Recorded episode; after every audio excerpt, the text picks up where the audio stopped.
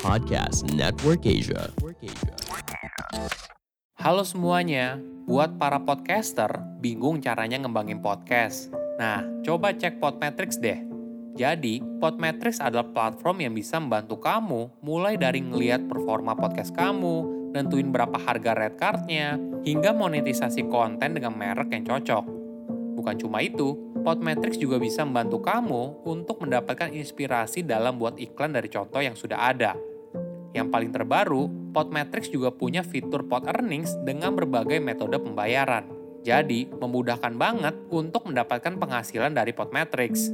Tunggu apa lagi? Yuk daftar Podmetrics, masukkan kode referralnya melalui link yang ada di deskripsi ya.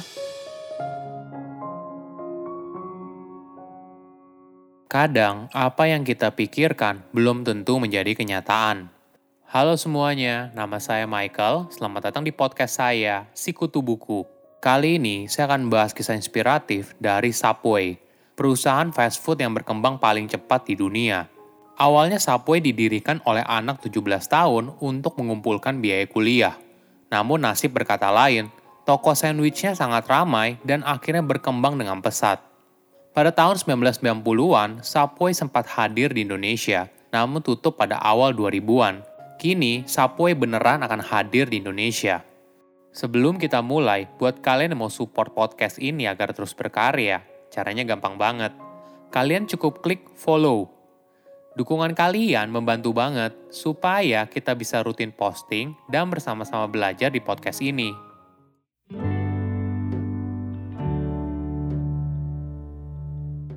Subway adalah restoran asal Amerika Serikat yang menjual sandwich dengan beragam isian dan didirikan oleh seorang anak berusia 17 tahun bernama Fred DeLuca dan partnernya. Waktu awal, Fred punya mimpi untuk jadi dokter. Namun, biaya pendidikan yang mahal membuat dia mutar otak. Fred harus mencari cara untuk membiayai pendidikannya.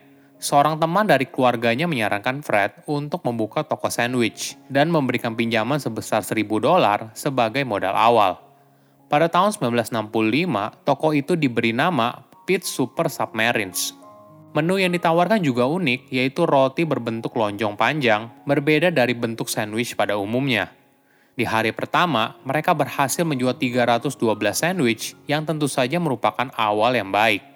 Namun pada akhir musim panas, toko mereka malah merugi dan hanya tersisa 6 dolar. Hal ini disebabkan Nama Pit Super Submarine ketika diiklankan di radio lokal terdengar seperti Pizza Marines, sehingga pendengar jadi bingung. Kenyataan ini tidak membuat Fred menyerah. Dia malah membuka restoran lain di dekat wilayah tersebut dan diberi nama Pit Subway. Kali ini tetap saja gagal. Fred pun mencoba lagi untuk ketiga kalinya dan menamai toko mereka menjadi Subway. Barulah toko mereka mendapatkan keuntungan sebesar 7.000 dolar di tahun pertama. Pencapaian ini membuat Fred akhirnya fokus mengembangkan bisnis sandwich dan tidak lagi mengejar mimpi untuk menjadi dokter. Pada tahun 1974, Fred berencana untuk membuka 30 toko di negara bagian tempat mereka tinggal. Namun 10 tahun berselang, Subway hanya berhasil membuka 16 toko di Connecticut. Fred kesulitan untuk menjaga kualitas di seluruh tokonya, hingga kemudian dia sadar dia harus menggunakan sistem waralaba jika ingin Subway berkembang dengan cepat. Fred lalu berusaha membujuk temannya untuk buka waralaba Subway pertama. Dari situ, mereka berhasil membuka 14 toko tambahan dengan menggunakan sistem waralaba. Dia punya tiga prinsip dalam menjalankan Subway. Pertama, selalu berikan pelayanan terbaik bagi konsumen. Kedua, menyediakan makanan berkualitas tinggi dengan harga yang terjangkau. Ketiga, menjaga biaya operasional rendah, menjamin sistem terbaik, dan tidak berhenti berkembang. Inilah yang mendorong Subway menggunakan strategi open kitchen, di mana mereka membuat sandwichnya di depan konsumen. Strategi ini berhasil membuat konsumen percaya kalau bahan yang digunakan oleh Subway merupakan bahan yang segar dan lebih sehat dibandingkan persepsi fast food pada umumnya.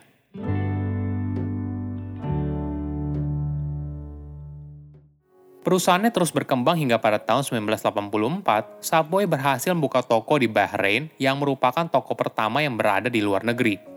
Hanya dalam waktu 8 tahun, Subway telah bertumbuh dari 5.000 menjadi 13.000 cabang di seluruh dunia. Salah satu kesuksesan dari Subway mungkin berasal dari teknik marketing yang menyesuaikan dengan perkembangan tren. Sebagai contoh, iklan komersial Subway yang menggunakan Jared Vogel. Pada tahun 1998, Vogel merupakan mahasiswa di Indiana University dengan berat mencapai 212 kg. Saat itu, Vogel berusia 20 tahun dan sulit untuk berjalan akibat berat badannya. Hidupnya berubah saat Vogel mulai makan dua Subway sandwich sehari dan mulai berolahraga. Dia memilih Subway sebagai makanan hariannya karena lokasi Subway yang dekat dengan tempat tinggalnya. Dalam waktu 11 bulan, Vogel berhasil turun hingga 122 kg, hampir setengah berat badan awalnya. Keberhasilan Vogel membuat semua orang terpana. Bahkan profil dirinya berhasil dipublikasikan di majalah Men's Health. Artikel ini lalu dilihat oleh salah satu pemilik franchise dari Subway yang meneruskannya ke kantor pusat Subway. Hingga pada tahun 2000, Vogel tampil perdana menjadi bintang iklan dari Subway. Kisah Vogel ternyata berdampak besar bagi penjualan Subway citra kalau restoran cepat saji hanya menyajikan makanan yang tidak sehat seketika berubah. Subway berhasil membuktikan kalau produk yang dijual fokus pada bahan yang fresh dan lebih sehat, sehingga ini yang membedakan Subway dengan restoran cepat saji yang lain. Maklum saja, saat itu di Amerika Serikat, isu soal obesitas sangat hangat dan banyak orang mulai terpacu untuk mulai berolahraga dan menjalani gaya hidup yang lebih sehat.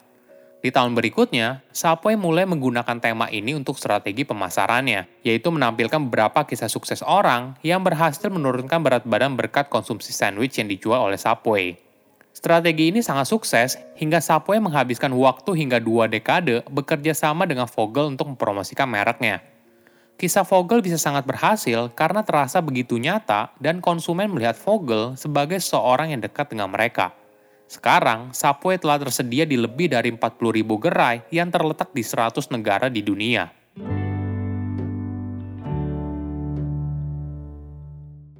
Mungkin kamu baru tahu Subway dari drama Korea.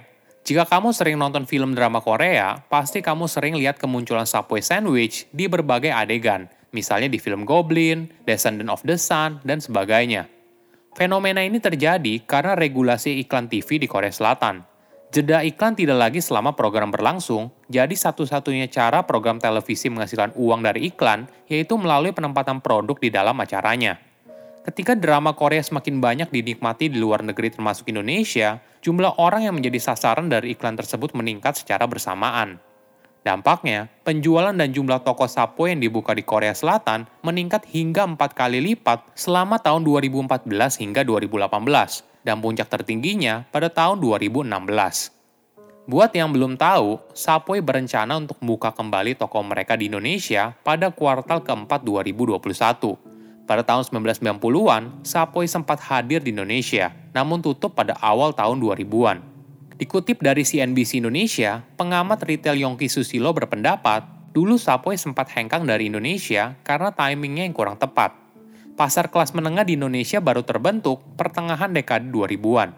Ternyata bukan cuma Sapo yang kembali lagi, Burger King dan Yoshinoya yang juga sempat buka di Indonesia, namun tutup saat krisis moneter tahun 1998. Namun, setelah pasar kelas menengah tumbuh pesat, gerai cepat saji ini tumbuh dengan pesat. Mungkin tantangan utama yang akan dihadapi Subway adalah mayoritas orang Indonesia tidak terbiasa makan roti setiap harinya. Beda dengan budaya di luar negeri khususnya di negara barat. Bahkan ada anggapan kalau belum makan namanya apabila belum makan nasi. Sebelum Subway akan hadir kembali di Indonesia, saat ini sudah ada kompetitor sandwich. Namun tetap saja belum bisa merajai restoran cepat saji di Indonesia. Ini merupakan tantangan yang mungkin dihadapi oleh Subway. Namun di sisi lain, masyarakat menganggap roti sebagai camilan. Jadi, apabila mereka jenuh dengan menu makanan sehari-hari, misalnya nasi ayam, nasi sapi, dan sebagainya, sandwich bisa menjadi menu pilihan yang menarik. Apalagi, Subway punya posisi sebagai gerai makanan cepat saji yang lebih sehat. Ini tentunya bisa jadi poin plus yang menarik. Apa yang kita impikan tidak selalu menjadi kenyataan, namun kita bisa mengubahnya menjadi masa depan yang lebih baik. Saya undur diri, jangan lupa follow podcast Sikutu Buku. Bye-bye. Pandangan dan opini yang disampaikan oleh kreator podcast, host, dan tamu tidak mencerminkan kebijakan resmi dan bagian dari podcast Network Asia. Setiap konten yang disampaikan mereka di dalam podcast adalah opini mereka sendiri dan tidak bermaksud untuk merugikan agama, grup etnik, perkumpulan, organisasi, perusahaan, perorangan, atau siapa pun dan apa pun.